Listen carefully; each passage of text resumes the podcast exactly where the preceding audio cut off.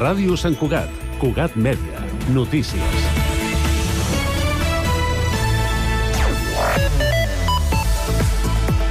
Bona tarda. Sant Cugat ha donat el tret de sortida a les activitats de Nadal amb la tradicional encesa de llums que ha plegat centenars de persones a la plaça d'Octavià. L'Ajuntament ha fet una aposta per una reducció de consum energètic que enguany és d'un 10% menys que l'any passat. Dues cercaviles simultànies han acompanyat la ciutadania des de diversos punts de Sant Cugat fins a la plaça del Monestir i han pogut gaudir d'un espectacle de dansa de l'escola Fusió. Tot plegat acabat amb l'encesa de l'enllumenat nadalenc. Bye.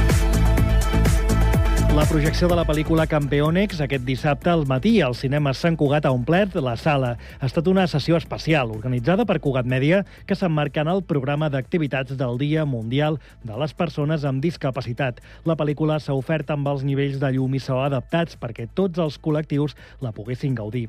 A més, Cugat Mèdia ha estrenat en primícia un reportatge amb els testimonis de tres persones amb diversitat funcional i que es podrà veure aquest diumenge a www.cugat.cat. L'agrupació local de Ciutadans ha renovat la Junta amb Maite Auger al capdavant com a coordinadora. La nova màxima responsable del Partit Taronja, que pren el relleu a Martí Patxamé, va ser la número 2 a la llista electoral que encapçalava l'exregidor i exalcalde Aldo Ciprián, qui ha fet costat a la candidatura.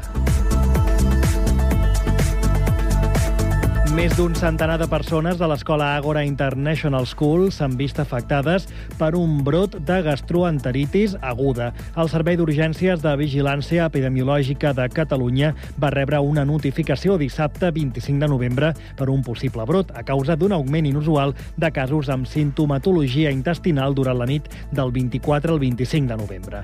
La investigació del brot encara segueix el seu curs, però des del centre educatiu asseguren que ja s'ha descartat una intoxicació alimentària després d'analitzar les mostres dels àpats de divendres.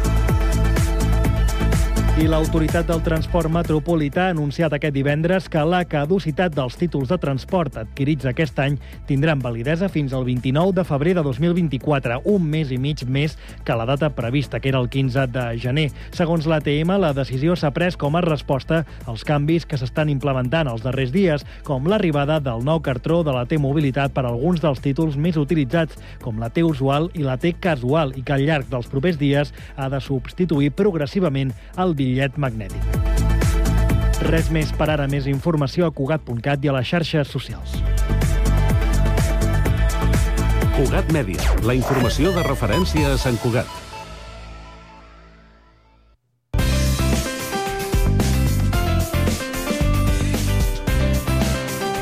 Ràdio Sant Cugat, Cugat Mèdia, 91.5 FM.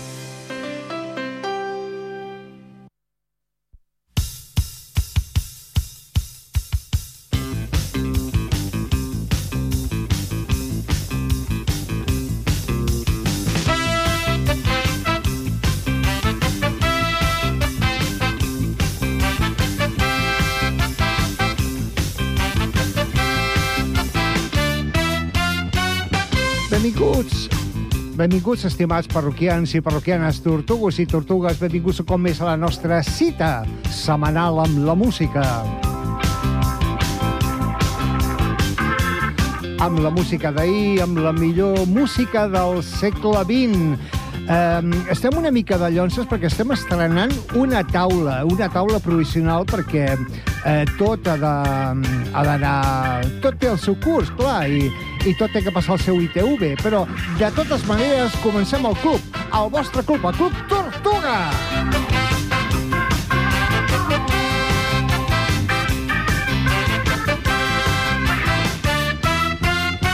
I avui, avui tenim convidat. Tenim convidat perquè mm, eh, un és un friqui de la música, ja ho sabeu, un sap, eh, ha après un, tres o quatre coses sobre la música al llarg de tots aquests anys, però per molt que creguis que saps de música, sempre te n'adones que hi ha algú que sap també tant o inclús més que tu en segons quins tipus de música. Per tant, avui tinc un convidat, un convidat que el vaig conèixer amb temes literaris i que al final ha acabat sent un altre friqui de la música. Així que eh, us presento a en Josep Camps. Hola, Josep, què tal?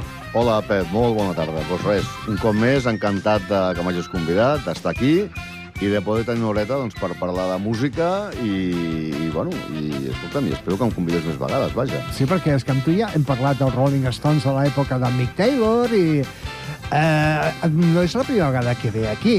I és que aquest senyor i jo, quan ens trobem, eh, no fem cap altra cosa que parlar de música. Doncs avui ens parlarà d'un tema del qual jo reconec, tinc les meves caresties. Vull dir, eh, diuen que la música que més ens marca és la que escoltem als 15 anys. I als 15 anys eh, m'agradava molt en David Bowie, em segueix agradant David Bowie, m'agradava el glam rock, que és el que vaig viure quan tenia els 15. Ell en els 15, doncs, eren coses com aquesta. When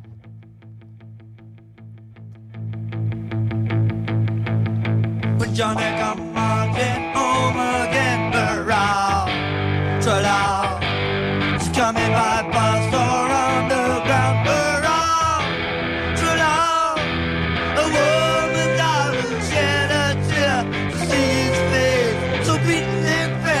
to around the. Una versió, una versió un tant curiosa de, de l'himno de batalla dels Estats Units d'Amèrica. Eh, doncs sí, parlarem del punk. Parlarem de la irrupció del punk, que ell la va viure adolescent. Eh, Josep, el punk què és el que et va cridar l'atenció? Bueno, eh, suposo que és això que tu dius, Pep, que et marca força la música que escoltes de jove, no? I l'explosió del punk doncs, va coincidir doncs, amb la meva adolescència.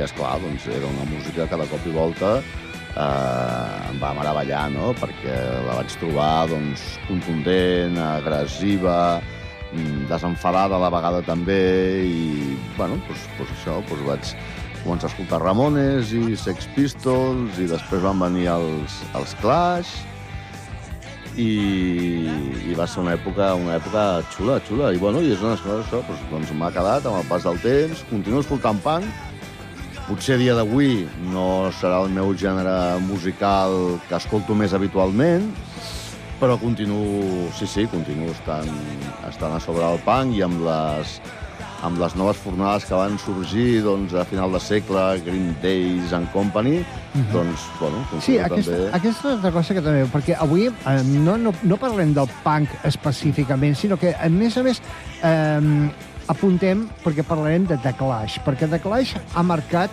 per dir una manera, no van ser els inventors del punk, però possiblement ha sigut la banda que més s'ha definit eh, no aquest estil musical, sinó aquesta, diguem, com diria jo, trasfons social que tenia el punk. Mhm. Sí, sí, absolutament, absolutament d'acord.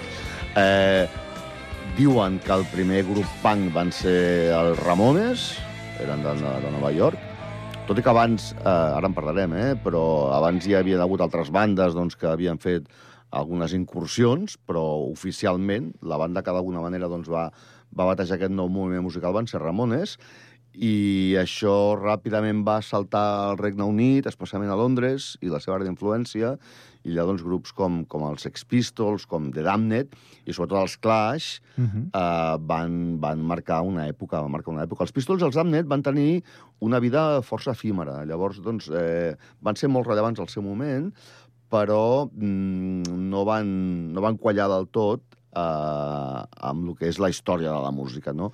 Els Clash sí, els Clash van tenir una, una trajectòria més, més llarga i, a més, van saber, eh, sent fidels als principis del punk, van saber enriquir aquest moviment musical, cosa que els altres dos no, no van ser capaços. I a més una cosa, perquè abans de passar a la primera cançó que us volem eh, fer sentir, perquè clar, jo tots els estils musicals sempre els he sentit, vull dir, el blues, el rock, etc, però mai, mai, cap estil he sentit allò de pre-rock, rock i post-rock. I en canvi amb el punk sí que he sentit un Sí. pre-punk, punk i post-punk, perquè eh, podem fotre a Green Day, Green Day com a un grup, jo l'he sentit dir com post-punk, quan ja feia com 30 anys que havia passat el punk. Sí, en diuen també la segona onada del punk, no? Eh, Digue-li com vulguis, no? Eh, I el pre-punk? Bueno, el prepunk, eh, bàsicament es parla de, de, de MC5, no? Ens anem a Detroit. Vinga, a Detroit. Doncs pues sí, vinga, eh, MC5 acaba de parlar eh, com els precursors del punk. Ara us posem una cançó d'MC5, eh, un grup que el seu primer àlbum va ser en viu. O sigui, perquè eh, les discogràfiques deien no, no, no, jo us gravo al viu. En estudi, no. Va ser posteriorment que van fer àlbums en estudi. És molt curiós. Però el seu àlbum Kick Out the Jams eh, ha, marcat un, ha marcat una època. Va ser atenció, perquè escoltareu el que escoltareu i direu, hòsties, això és punk. No, no, amics meus. Això és 1969. Kick Out the Jams, MC5. Kick out the jams, motherfucker!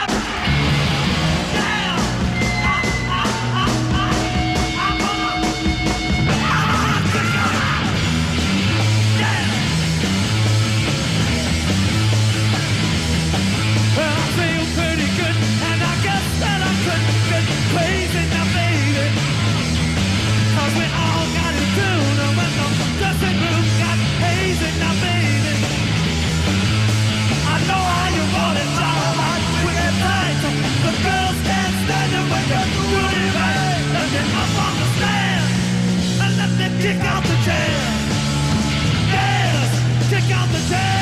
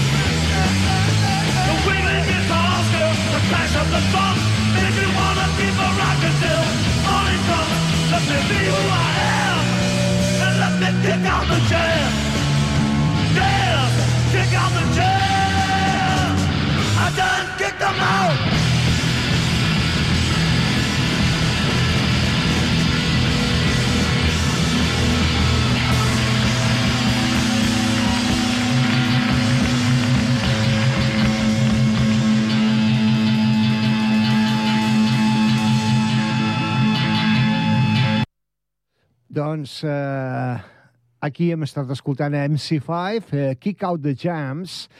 Um, això, Josep, que hem estat escoltant, perfectament ho podíem haver vi- haver- haver-ho escoltat a, cap allà al 76 o 77, oi? Sí, sí, sí, sí, és el que deies tu abans, molt ben dit, no? Eh, es consideren, doncs, eh, una mica els precursors del, del, del punk, no? El que en diuen el prepunk. Ells, els MC5, eh, juntament amb, el, amb l'Iggy Pop. Amb Iggy Pop. Escolteu això un momentet.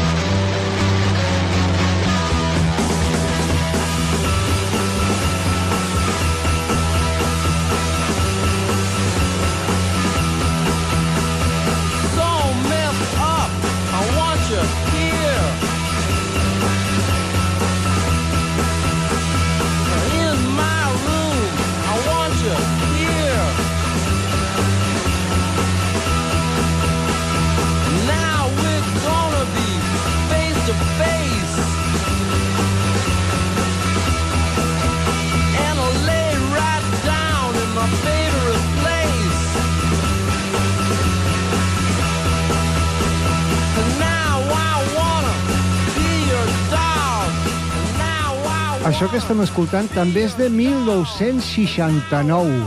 Estem escoltant a Iggy and the Stocks, el seu àlbum de debut, The Stocks, I Wanna Be Your Dog. Si escoltes la forma que té de cantar el Iggy Pop en aquesta cançó, eh, a mi em recorda, en alguns casos, a, a la manera que cantava el Johnny Rotten dels Sex Pistols. Eh que sí? Sí, sí. Bueno, aleshores, eh, possiblement Johnny Rotten era, no, no era tan novedós. No, no, no, no, no, està clar, és el que dèiem, no? Aquesta gent va començar, va començar abans. Ah, un grup també que realment era, va ser molt rellevant en el, a l'època de prepunk van ser els New York Dolls, Sí, dels Johnny Thunders. però aquest ja era més glam, ja era... Sí, però eren molt, eren molt punyents, molt descarats. Sylvain amb Sylvain i Johnny Thunders. Ah, exacte. Sí. Doncs um, um, MC5, que el seu nom és de Motor City 5, eh, venen de Detroit. Iggy Pop, eh, Osterberg, James Osterberg, eh, ve de Detroit. Detroit és la ciutat eh, on fabriquen els cotxes als Estats Units, ciutat de classe obrera, ciutat... Eh, aleshores, eh, el punk neix de la classe obrera. Sí, sí, sí, jo crec que de manera bastant contundent, eh? eh si t'hi fixes, el punk quan aterra a, a, Gran, a, a la Gran Bretanya, a Londres concretament, eh, l'abracen tots els, tots els jovents de classe obrera, no?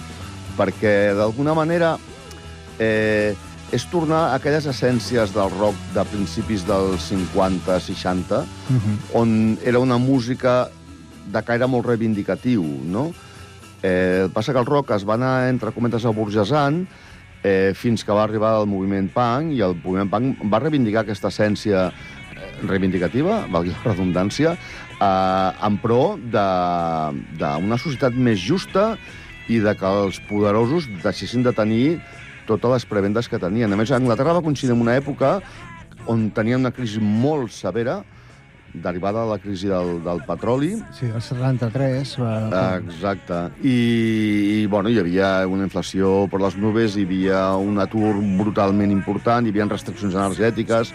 Llavors va ser tota una generació que va sortir al carrer i I van a- agafar la música com a, com a, com a eina reivindicativa, no? I a més una generació que sí que les passava magres, però que la música semblava com si ho disfressés tot, perquè era la música disco, anar-te a la discoteca, vestir-te de 21 botons, passar-ho bé, ballar, fer la noche, mentre que tenies que anar a currar de dilluns a, a divendres eh, com un desesperat per malviure.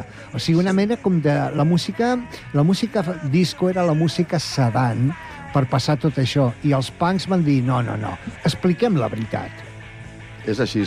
I també també no cal oblidar que la música disco va interrompre doncs, que a mitjans dels 70 com un, com un moviment doncs, musical doncs, que amb tot el respecte del món, però sí que el punk també va coincidir eh, una mica amb la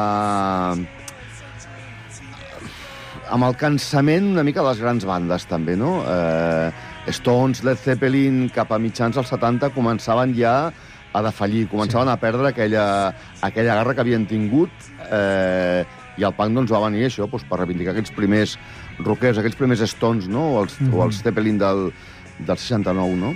Sí, exactament. Uh, penseu així que els Stones estaven a la seva etapa més comercial. Sí, els Eh, Stones estaven amb el Black and Blue, que era un disc que de rock en tenia poc i barrejava molt el funk i el reggae i coses una mica infumables, Sí. no?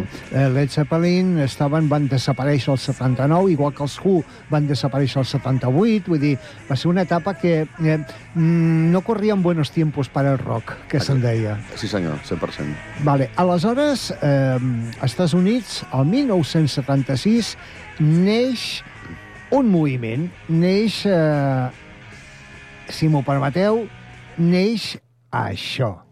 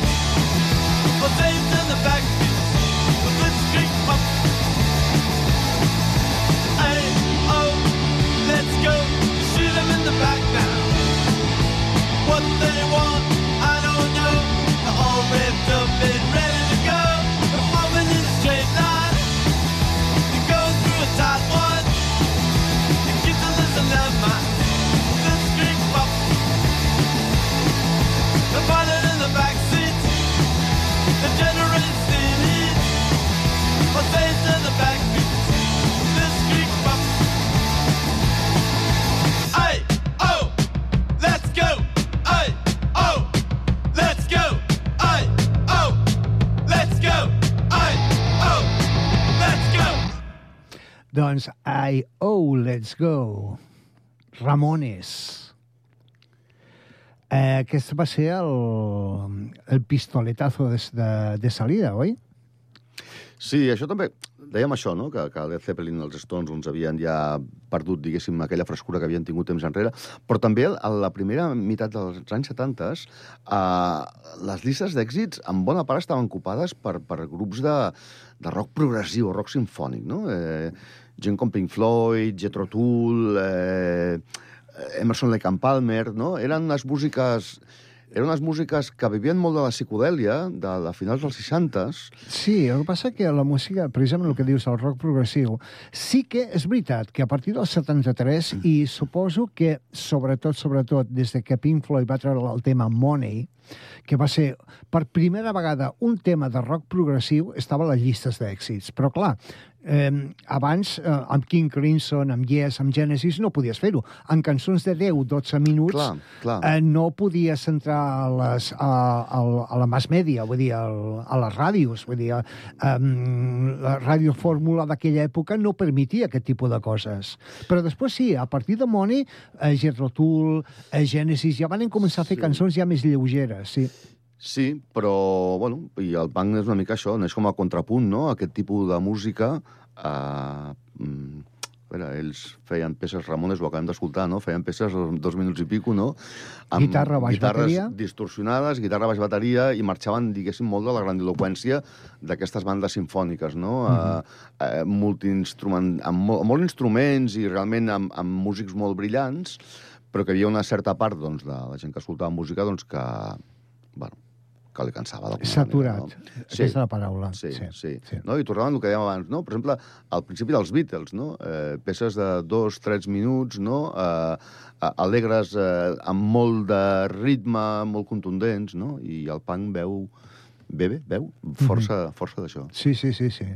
Aleshores, mm, eh, el punk eh, arriba a, a Anglaterra un any després, més o menys, aproximadament. Eh, a, a part de, de Ramones, també ens venia Blondie al principi. Al principi, no oblidem que, que encara que molts tingueu presents el Call Me o el Heart of Glass, Blondie va començar en temes, en temes punk. I arriba a Anglaterra. Eh, quina és la recepció? Per què a Anglaterra eh, qualla tan bé aquest, eh, aquest moviment? Bueno, és una mica el que dèiem abans, no? A Anglaterra doncs, estava passant un moment, un moment eh, de país molt, molt delicat, molt complicat, hi havia molt descontent social, i eh, bé, doncs la gent, els joves, doncs van, van agafar-se, van abraçar el punk, diguem-ne, com, a, com a eina reivindicativa, no? De dir, escoltem, estem aquí, estem farts de vosaltres, estem farts de que ens controleu, de que ens manipuleu, perquè el país s'està a la merda, no? Llavors nosaltres volem sortir al carrer i volem reclamar, reivindicar tot això, no? I reclamar la nostra, la nostra part que ens toca, no? Eh, quina va ser la primera llum que es va encendre a Gran Bretanya amb el punk?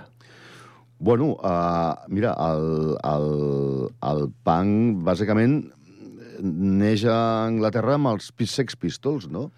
que si vols un dia em tornes a convidar i podem parlar dels Sex Pistols, largo i tendido, perquè va ser un grup molt efímer, però que té una història al darrere realment eh, curiosa, a través del seu mànager representant, el Malcolm, Malcolm McLaren, McLaren. Uh -huh. eh, que va ser algú que, que realment va ser una peça fonamental que els Pistols tinguessin, tinguessin l'èxit que van tenir. Quan es va cansar, el Malcolm McLaren es va avorrir, eh, els va abandonar, els va fotre una patada i els Pistols mai més se'n va saber res. Vale, sé que tots vosaltres eh, coneixeu aquesta cançó, però eh, anem a recordar-la una miqueta, eh? eh el, del seu àlbum No me toques los cojones, Um, never, never mind the bollocks. La traducció no me toquis los cojones. Eh, hi havia aquest, eh, aquesta cançó en la que eh, negres presagis eh, pel, per, per tot el jovent. No future és el que ens deien, és el que deien Sex Pistols. God save the Queen! God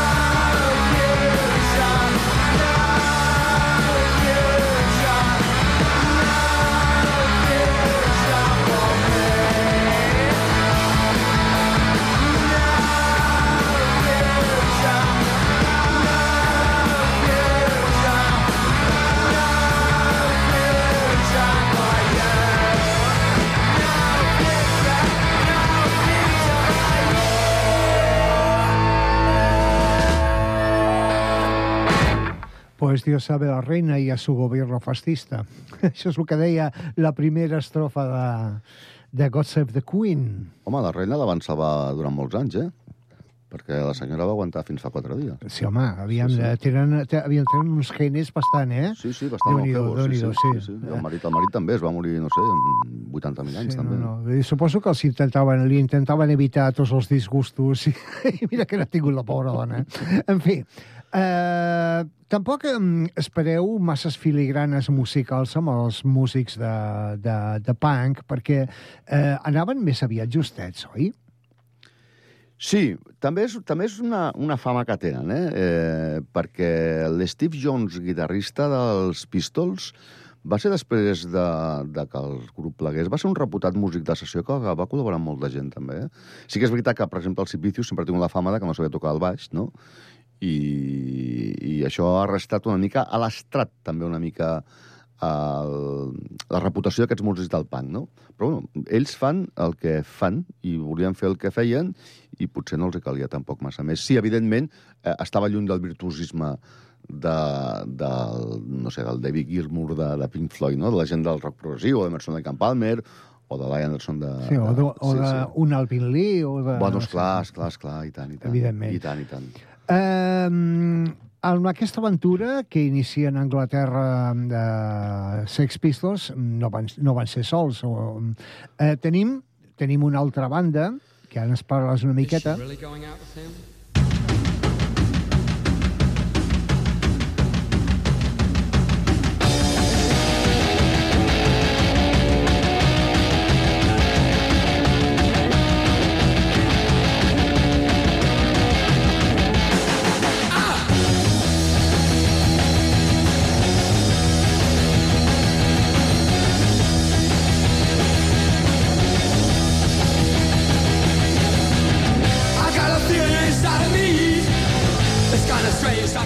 Fem-nos fem cinc cèntims de- d'aquests senyors. Uh, The Damned, amb la cançó New Rose, que va ser el seu single de debut. Uh, els Damned van debutar uh, dos dies després que ho fessin els Clash. Els Clash havien debutat el 4 de juliol, m'he documentat, eh? de 1976 a, a Sheffield, i ells dos dies més tard ho feien en el mític 100 Club de Westminster. Uh, el que passa que el Brian James, que era el principal guitarrista i compositor, aviat es va cansar de la història i, i va marxar. I sense ell, doncs sí que el Dave Banyan era un tio doncs, que tenia un ascendent important a nivell estètic sobre, sobre la societat amb la que es movia, però a nivell musical doncs, no va ser capaç de tirar endavant. Captain Sensible també es va cansar ràpid i se'n va anar a fer experiments eh, més, més, més funks, més comercials, Sí, perquè- i els altres van acabar ràpid. Els Damned que esteu escoltant, eh, podria parlar-te i inclús fer-te escoltar, no ho faré, d'una versió de Eloís que van publicar el 1986. Els Damned, Eloís. Sí, la que cantava el Tino Casal, la que cantava eh, eh, Paul Ryan el 1969. Doncs per això, per això dic que sí, i una mica comercials es van fer, sí, sí. Però bé, de fet, eh, arribem on havíem d'arribar. Joe Strummer, eh, Mick Jones, Jones. que podríem dir que és, són els alma maters de això.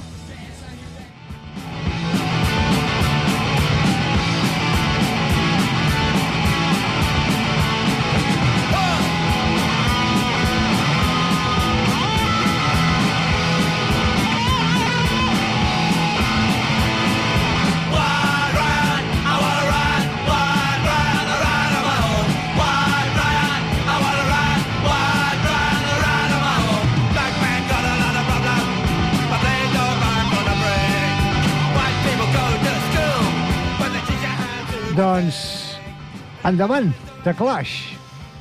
Bueno, The Clash i White Riot, no?, que va ser el seu, El seu el debut, seu no? tema de debut, sí, al març de l'any 77, eh, amb un àlbum que es deia The Clash, precisament, Uh -huh. on seguien el, els mandatoris més convencionals del punk, És un àlbum que va tenir un èxit moderat. Eh, curiosament, eh, la seva primera gira, la primera gira dels Clash eh, va ser una gira europea amb els Buzoks i amb els Jam del Paul Weller. Ostres, El jovenet Paul Weller, que llavors ja era, ja era algú realment important. quina barreja més curiosa de Jam, de Buzzcocks i de, i de, de Clash. Bueno, no oblidem, eh? La primera època dels Jam era molt punky, eh? El disc In the City és un disc molt content, el que passa que el Paul Wall és un tio doncs, eh, que ha anat evolucionant, és un tio molt camaleònic, i amb el pas dels anys doncs, ha passat pel punk, pel, pel funk, pel rock més, més autèntic, pel, pel blues, ha passat per molts, per molts escenaris, no? Sí, eh, jo reconec que, que el, el, plan, el punk és un estil musical que no li havia donat eh, massa... Però escoltant tot això, jo sembla que estigui escoltant la música britànica que va sortir com a resposta als Beatles a l'any 64, vull dir, quan sortien de Kings quan sortien de Who. Eh, I, ah, clar, ara m'has parlat de, de Jam. De Jam eh, intentaven més o menys, vull dir, ressuscitar el moviment mod, Sí, que sí. també era un moviment de, protesta i també era un moviment de gent proletària. Sí, amb unes estètiques particulars i molt concretes. El, els morts en tenien una, els punks en tenien una altra, els punks anaven amb, amb crestes i amb botes i amb imperdibles i amb roba així d'allò, i els morts doncs, eren potser més elegantots. I sí, és veritat, el Paul Weller es va erigir amb el pas del temps amb l'autèntic, bueno, li diuen el mod father, no? L'autèntic referent del, de la cultura mod, sí, sí. Ah. Aleshores, eh, en 1977 es publica el primer àlbum. Sí. I vas dir que l'acollida de que... Com...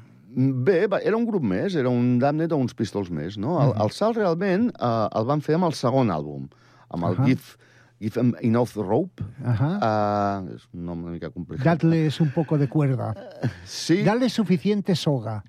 a, a veure, aquí va ser el punt d'inflexió del moviment punk i també, evidentment, de, dels Clash, no? Ahà. Perquè eh, evoluciona el concepte aquest bàsic de baix, guitarra, bateria, de guitarres distorsionades, de corders fàcils i de mm, cançons molt breus, incorporen el reggae, incorporen el rockabilly, incorporen l'esca, el rhythm and blues, el funk. Llavors, mm, continuant mantenint l'essència reivindicativa i protesta del moviment punk, eh, evoluciona la música a un escenari nou.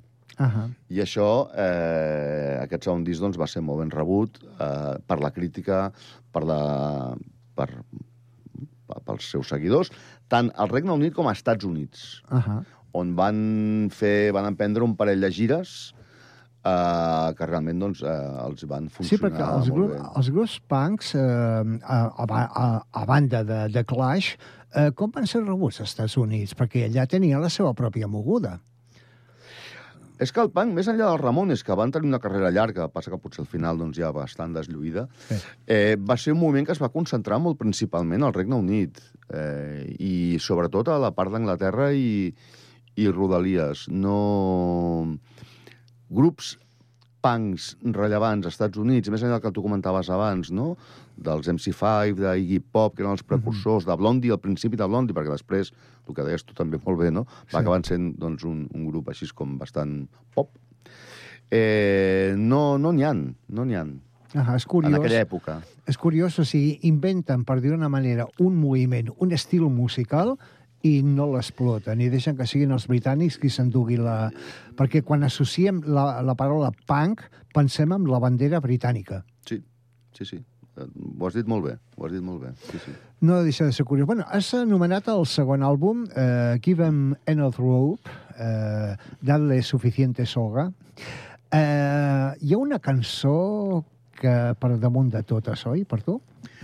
Bueno, eh, és un, és un àlbum que és per escoltar amb calma eh, dos, tres, quatre, cinc sis vegades, eh? perquè realment cada vegada que l'escoltes doncs, aprecies si més o menys et va aquest estil de música, aprecies matisos diferents. A mi una cançó que m'agrada molt, que és Tommy Gunn. Doncs aquí la tenim, l'escoltem i seguim.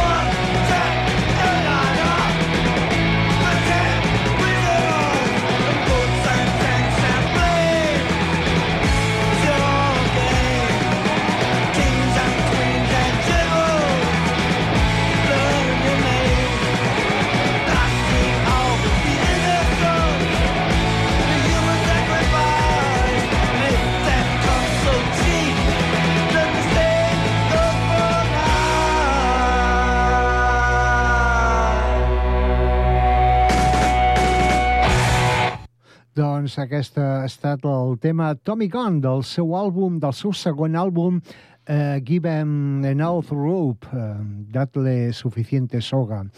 Eh, vaig llegir un article eh, que és el que ha sigut la causa del per què estem fent aquest programa.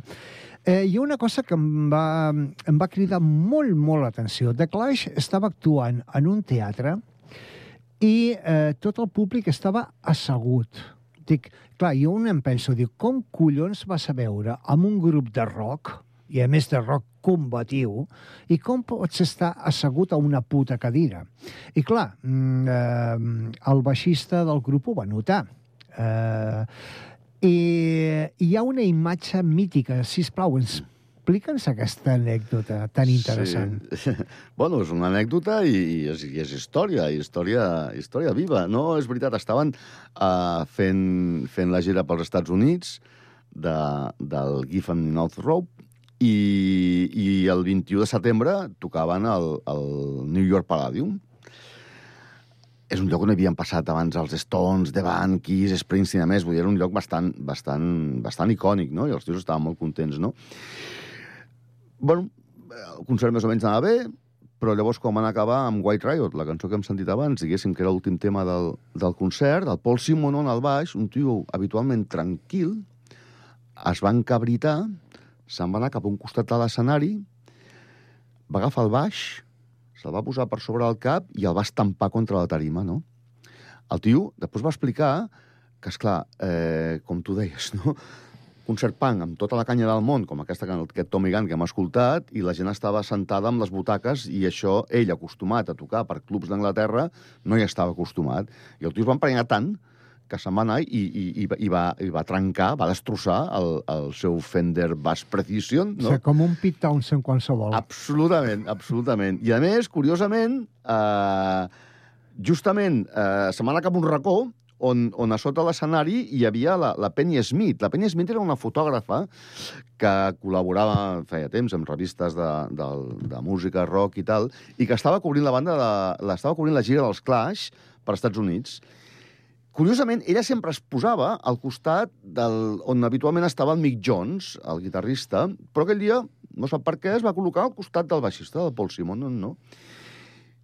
I ella estava allà quan el Paul Simonon anava corrents cap a la punta de l'escenari amb el baix per sobre el cap, a punt d'estampar-lo a la tarima, va agafar la seva càmera, una, una, una Pentax que portava eh, amb un carret de 400 assa, i de manera mm, impulsiva el va fotografiar justament en el moment en què el Simon estampava el baix, no?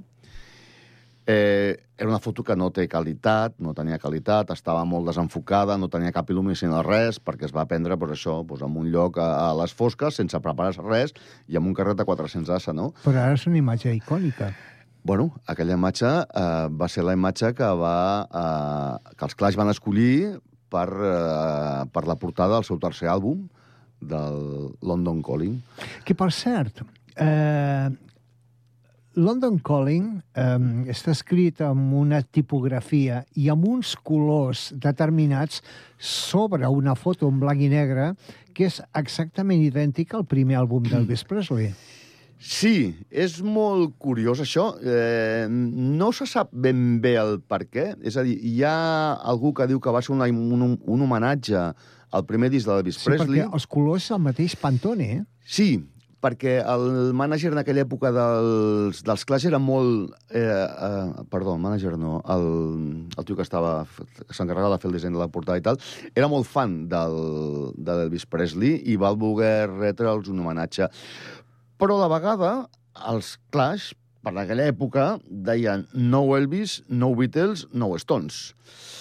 Eh, amb la qual no se sap ben bé si és un homenatge o és una, una burla. O, o possiblement podria significar m'agradaria entendre-ho així d'aquesta manera, que The Clash podria significar el mateix que va significar Elvis quan va sortir en el seu moment. Sí, una, un reivindic una amb tot. reivindicació és probable. Sí, sí, perquè, evidentment, l'Elvis d'aquella època doncs, era, era, era un trencament de tot i era una cosa molt, molt novedosa, eh? però ells se n'en fotien bastant de l'Elvis, també. Uh -huh. Potser Bueno, no m'estranya, eh? posterior, de l'Elvis posterior, no? Jo sempre penso, jo sempre he pensat de que Elvis eh, va, va desaparèixer en 1959, el van abduir, no sé què és el que van fer, i amb l'excusa de la mili, quan es van tornar, es van tornar una altra cosa, perquè és que no, no, no era l'Elvis del Gilhouse Rock, no era l'Elvis de, de, de, Hellbreak, de Hellbreak Hotel, eh, era una altra una cosa. altra, una altra etapa, sí, Sí, sí, sí, sí, sí. En qualsevol cas, aquesta foto amb poca qualitat i de més, després de moltes discussions, el Joe Stramer va dir no, no, vull aquesta foto que sigui la portada de l'àlbum, un àlbum que, que bona part de la crítica considera London Calling com el millor àlbum de la dècada dels 80. Lletres compromeses, oi? Molt compromeses. Molt compromeses. Molt compromeses. Fins i tot hi ha una cançó que parla de la Guerra Civil Espanyola sota el prisma republicà. Sí, senyor, on s'anomena Lorca, precisament. Mm -hmm. Bueno, el Joe Stramer va passar, va passar èpoques i temporades a Granada, deien que tenia una nòvia allà també, i que la venia a veure sovint, i xapotejava el castellà. I, bueno, sembla ser doncs, que li agradava estar o amb la nòvia o Granada, o, bueno, o les dues coses, clar. Doncs escoltem, si us sembla... Sí, qualsevol de les dues. Eh? eh, escoltem, si us sembla, Spanish Bombs, bombes espanyoles sobre la Guerra Civil.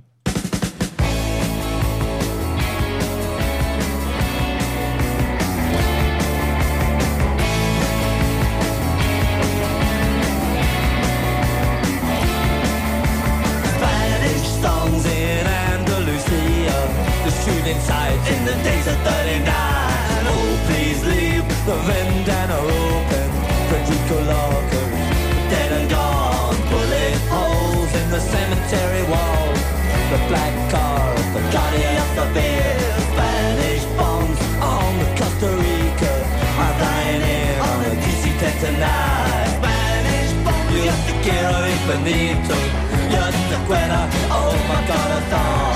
Spanish bombs, yo te quiero infinito. Yo te quiero, oh my corazón. Spanish weeks in my disco casino. The freedom fighters died up on the hill. They sang the red flag. They wore the black one after they died. It was Mockingbird Hill. Back on the buses,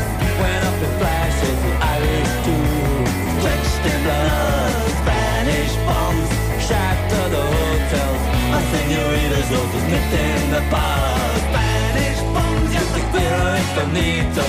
Yes, the guerra, oh my corazón. Spanish bombs, yes, the guerra es bonito. Yes, the guerra, oh my corazón.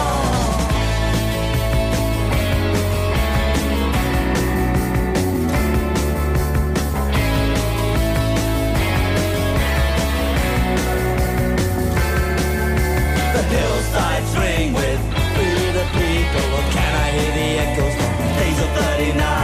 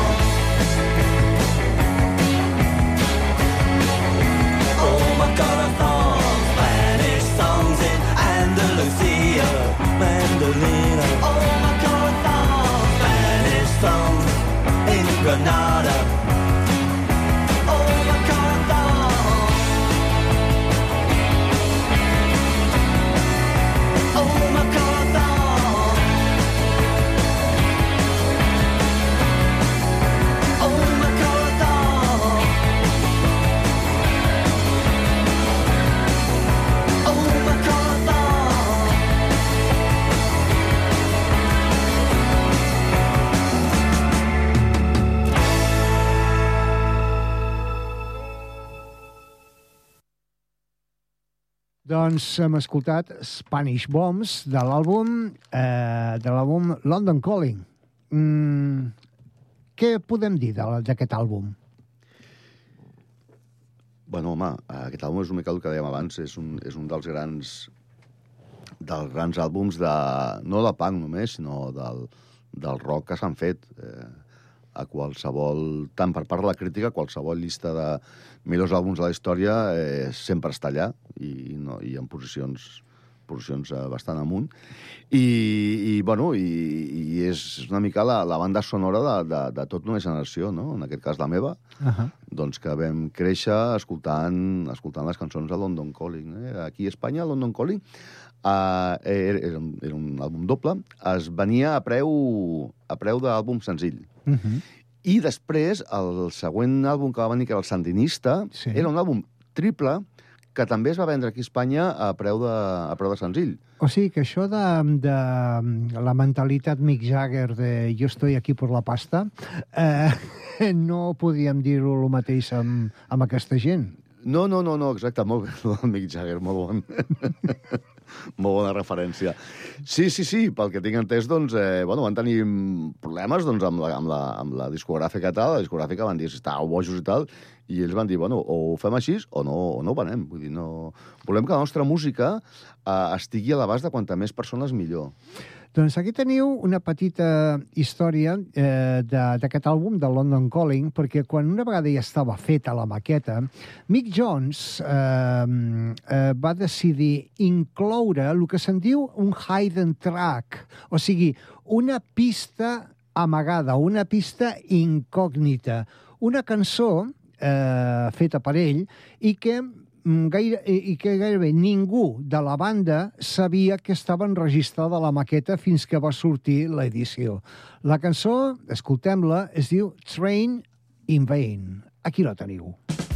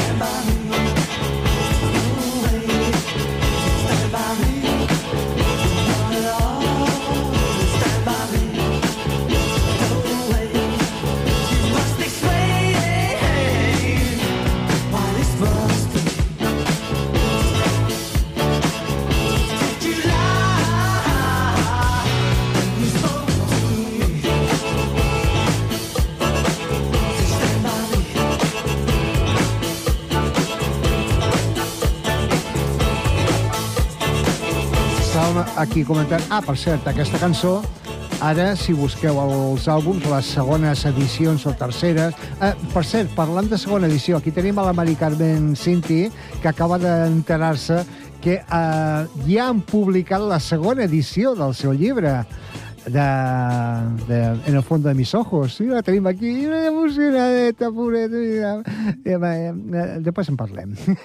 doncs, eh, si mireu les següents edicions de London Calling, i és la cançó aquesta de Tronny in Vain, però no en la primera, que, per cert, jo vaig llegir l'altre dia, perquè també jo, me- que la primera edició de l'àlbum, la primera, es paga una borrada de diners per un eh, vinil de la primera edició de London Calling, on no apareix el nom de la cançó Train in Vain. Pues ara que ho dius, ara quan arribi a casa miraré quina edició tinc jo, perquè Doncs- la vaig comprar fa molts, molts anys, com si una primera edició. doncs mireu, perquè demanen una borrada, eh, per aquesta edició, El que sí que he vist l'altre dia... el que no la vendràs pas. Home, depèn del que em doni. vale. L'altre dia llegia que el, per Wallapop la portada de... O sigui, el disco de Sticky Fingers dels Stones, Sí. amb la portada especial, Sí. específica que van fer per Espanya, Sí. estava a la venda per 100 euros. Sí, sí, jo, sí. jo el tinc, evidentment. El tens? Sí. Doncs guarda'l, perquè Sí, d'aquí d'aquí uns Sí. quants dies veuràs... O sigui, d'aquí uns quants anys, un, un pocs anys... Pujarà de preu. Pujarà, però molt, eh? Doncs L'estan buscant. Ho, deix, ho Sí. deixaré, ho deixarà No, no, la en meva filla d'herència. Sí, aquesta és una altra. O sigui, el que tingueu el vinil de Sticky Fingers, però el de la llauna en conserva, no el de l'Andy Warhol, el de la llauna en conserva, doncs guardeu-la, eh? Doncs eh, ja ens queda poquet, ens queda el temps just per escoltar, per acomiadar-nos amb, el, amb la crida de Londres, el London Calling. Eh, què podem dir d'aquesta cançó? Bueno, és- un himne, és un himne. A, a, a partir d'aquesta cançó, suposo que amb una estratègia de màrqueting, però els Clash van començar a considerar-se o a dir-se o els anomenaven com la única banda que importa. La única banda que importa. Anglaterra era l'única banda que importa, i durant molts anys va ser així. Ja dic, això va sortir, suposo, d'algun- directiu de màrqueting de la companyia, però, però va ser una d'aquelles coses doncs, que van, que van, Bueno, que veiem- van arrelar. Veient el que va sortir a Anglaterra entre l'any 80 i l'any 85, que apareixen el Simply Red, eh, a mi, perdona, però jo tinc, tinc faulesa per Simply, Simply Red, Eh, el que va aparèixer en aquells cinc anys, doncs, eh, sí, aviam, ho puc entendre perfectament, eh? Vull dir, si parlem de Pet Shop Boys, si parlem de, de Duran Duran, encara que Duran Duran eh, eh, m'estic fent gran i m'estan començant a agradar i això em preocupa, eh? Sí, estàs començant a recupejar una mica, eh? La Sí, és que sí, sí, sí. eh? No, I Spandau Ballet te recomanaria que els escoltessis, també, eh? No, no, en sèrio. No, ho dic en sèrio, eh? Doncs, eh, Josep... Ràdio Sant Cugat, Cugat Mèdia, notícies.